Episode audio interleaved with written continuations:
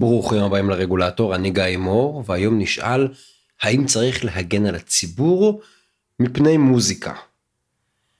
כמו שראינו בפרקים קודמים, רגולציה היא בעצם מקצוע של ניהול סיכונים. אנחנו קובעים אותה היכן שיש תופעה שיוצרת סיכון משמעותי לציבור. אפשר להתווכח איפה בדיוק עובר הגבול ואילו סיכונים אנחנו רוצים לנהל, אבל אני חושב שהעיקרון עצמו מוסכם גם עליכם. אני יכול להגיד לכם שהעיקרון הזה מוסכם על ידי מומחים שעוסקים בתחום הזה ועל ידי ממשלות. רק שבפועל הרבה פעמים גם המחוקקים וגם הרגולטורים פועלים אחרת.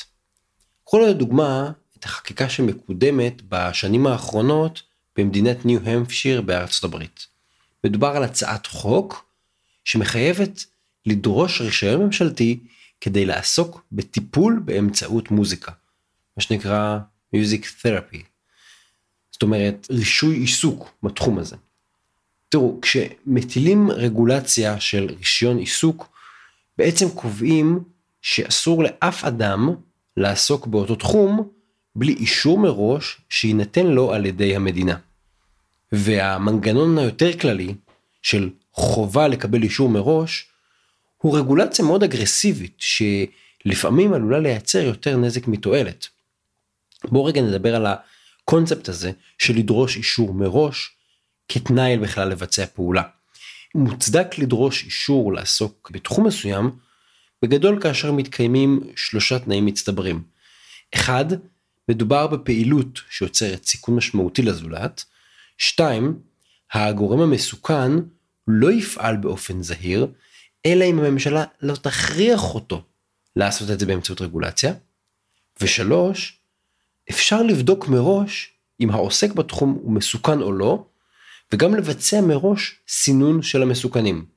תחשבו רגע על התנאי השלישי, יכול להיות שיש פעילות נורא נורא מסוכנת, אבל אנחנו לא נוכל לגלות מראש אם האנשים מסוכנים, אז אין טעם לבדוק מראש, אין טעם לייצר את המגבלה הזאת מראש. ועכשיו צריך לשאול את השאלה לגבי תרפיה באמצעות מוזיקה.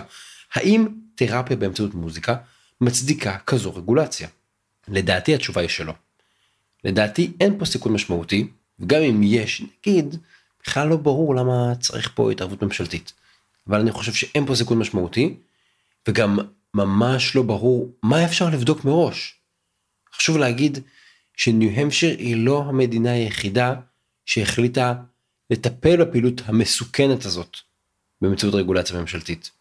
גם בניו יורק, גם בוויסקונסין, גם בקליפורניה, בג'ורג'יה ובעוד מדינות, דורשים כבר היום רישיון כדי לעסוק בתרפיה במוזיקה.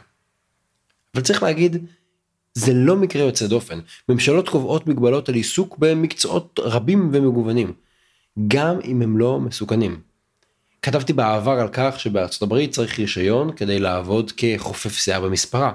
אני לא מדבר על הספר עם המספריים החדים שמשתמש גם בצבעים וכל מיני חומרים כימיים לעשות החלקה של השיער, אני מדבר על חופף השיער שעושה לכם בשיער בדיוק מה שאתם עושים לעצמכם בבית, חופף אותו עם שמפו. ולדעתי אתם חופפים לעצמכם את השיער בבית בלי רישיון בכלל. סכנת נפשות. טוב אז מאיפה מגיעה הדרישה לרישיון של מקצועות לא מסוכנים? ואני חושב שהקייס הזה של טיפול באמצעות מוזיקה הוא קייס טוב.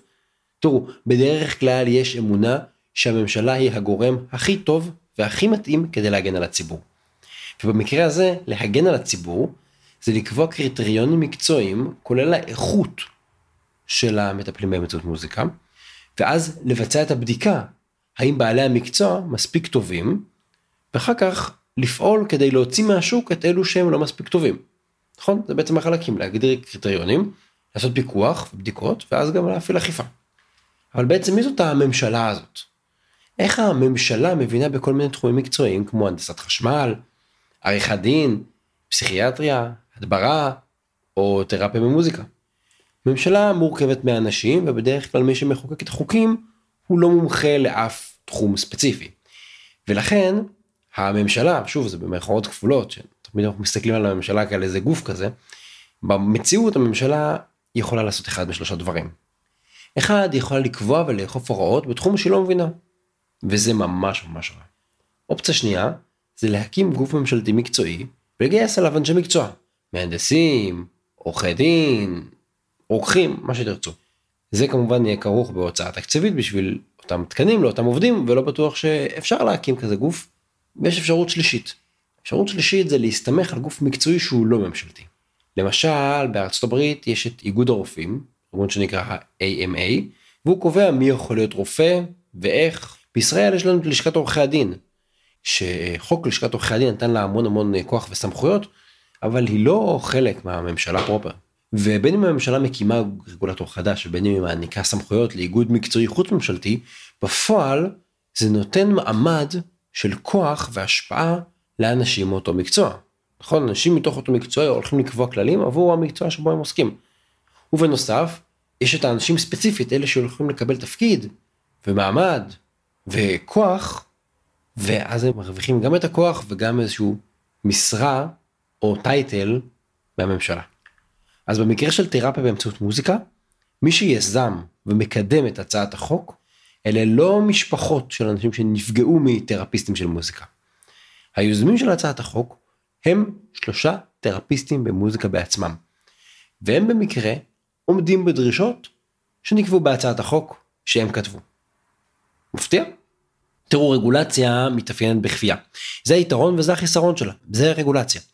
והצעת החוק קובעת שכדי לקבל רישיון לעשות תרפיה במוזיקה צריך השכלה אקדמית בתחום. בנוסף צריך לעבור 1200 שעות של הכשרה בתחום ויש עוד שורה לא קצרה של דרישות.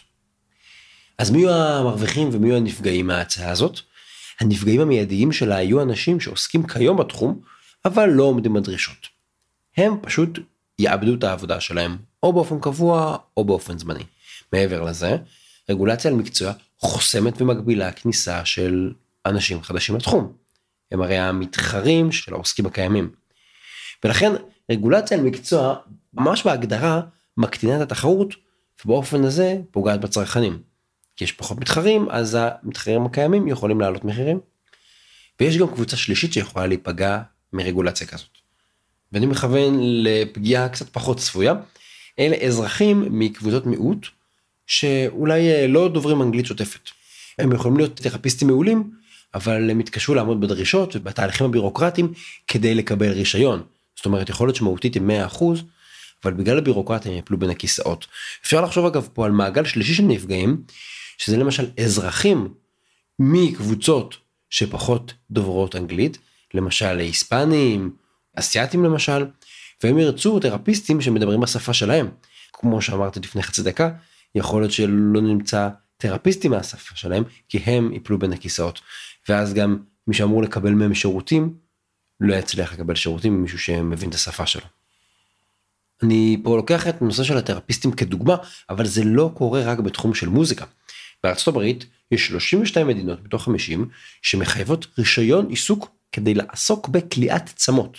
תהליך הרישוי וההסמכה במקרה הזה כרוך בעד 2,000 שעות הכשרה במדינה הכי מחמירה, ובעלות כספית של סדר גודל של 20 אלף דולר.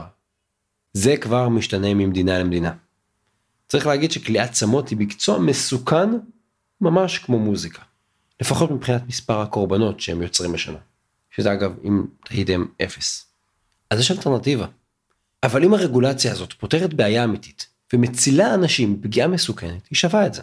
הבעיה היא שזה לא ככה במקרה של עיסוק בתרפיה באמצעות מוזיקה. ומאוד יכול להיות שמי שעוסק בתרפיה מוזיקלית לא יספק שירות איכותי לצרכן שישלם לו. אבל היכולת לגרום לנזק ולפגיעה ממשית הם די מוגבלים. וצריך לקחת את זה בחשבון. ואם בכל זאת חשוב לנו לטפל בסיכונים מינימליים של מישהו שיקבל שירות לא מספיק טוב למשל, אז יש פתרונות ביניים הרבה יותר אלגנטיים ופחות דורסניים מרגולציה של רישיון מקצועי. ואני הולך לתת אלטרנטיבה אחת לדוגמה. יש רגולציה מסוג שנקרא תעודה ממשלתית. government certificate. בעצם לפי הרגולציה הזאת כל אחד רשאי לעסוק בתחום. אבל אם אתם רוצים לקרוא לעצמכם בשם רשמי, למשל מטפלים מוסמכים באמצעות מוזיקה, אתם צריכים לעבור הכשרה ובחינה ממשלתית ופרוצדורה שלמה. זאת אומרת הרגולציה היא רק על התואר והיא לא מגבילה עיסוק. מותר לכם להיות מטפלים באמצעות מוזיקה. אם אתם רוצים לכתוב על כרטיס הביקור שלכם שאתם מטפלים מוסמכים, תצטרכו לעבור את התהליך הממשלתי. רגולציה כזאת מאפשרת לצרכן לדעת מי עבר מסלול ממשלתי מוגדר ומי לא, אבל הוא, הצרכן גם יכול לבחור לקבל שירות ממי שלא עשה כזה מסלול. לדעתי, במקרה הזה אין סיכון שמצריך רגולציה. ברור שכולנו רוצים לקבל את השירות הכי בטוח והכי איכותי והכי זול. השאלה היא, האם הדרך להגיע לשם היא רישיון ממשלתי. יש לא מעט אלטרנטיבות, ויש לא מעט אלטרנטיבות שלא כרוכות בהטלת מגבלות. ובכל מקרה, חשוב שמי שיקבע את הרגולציה הוא הורה ממשלתי בלתי תלוי ולא אדם מהשוק שמנסח את הצעת החוק בצורה שמסדרת לעצמו עבודה, כי יש לו אינטרס משלו. ורגע שלפני שמסיימים, הערה קטנטונת, פרסמתי את הפרק הזה גם בבלוג, באתר רגולטור.אונליין.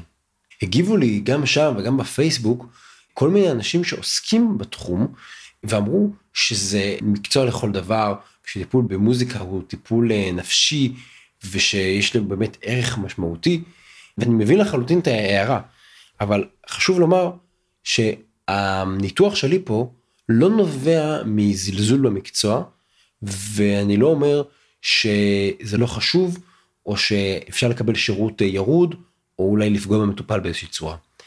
אני אומר שהסיכונים פה לדעתי לא מצדיקים רגולציה ממשלתית, בטח לא מהסוג שאותם מטפלים בניו המפשיר מנסים לקבוע. כי הם באמת מייצרים שם מנגנון רישוי מאוד מאוד אגרסיבי ומאוד מאוד מרחיק לכת.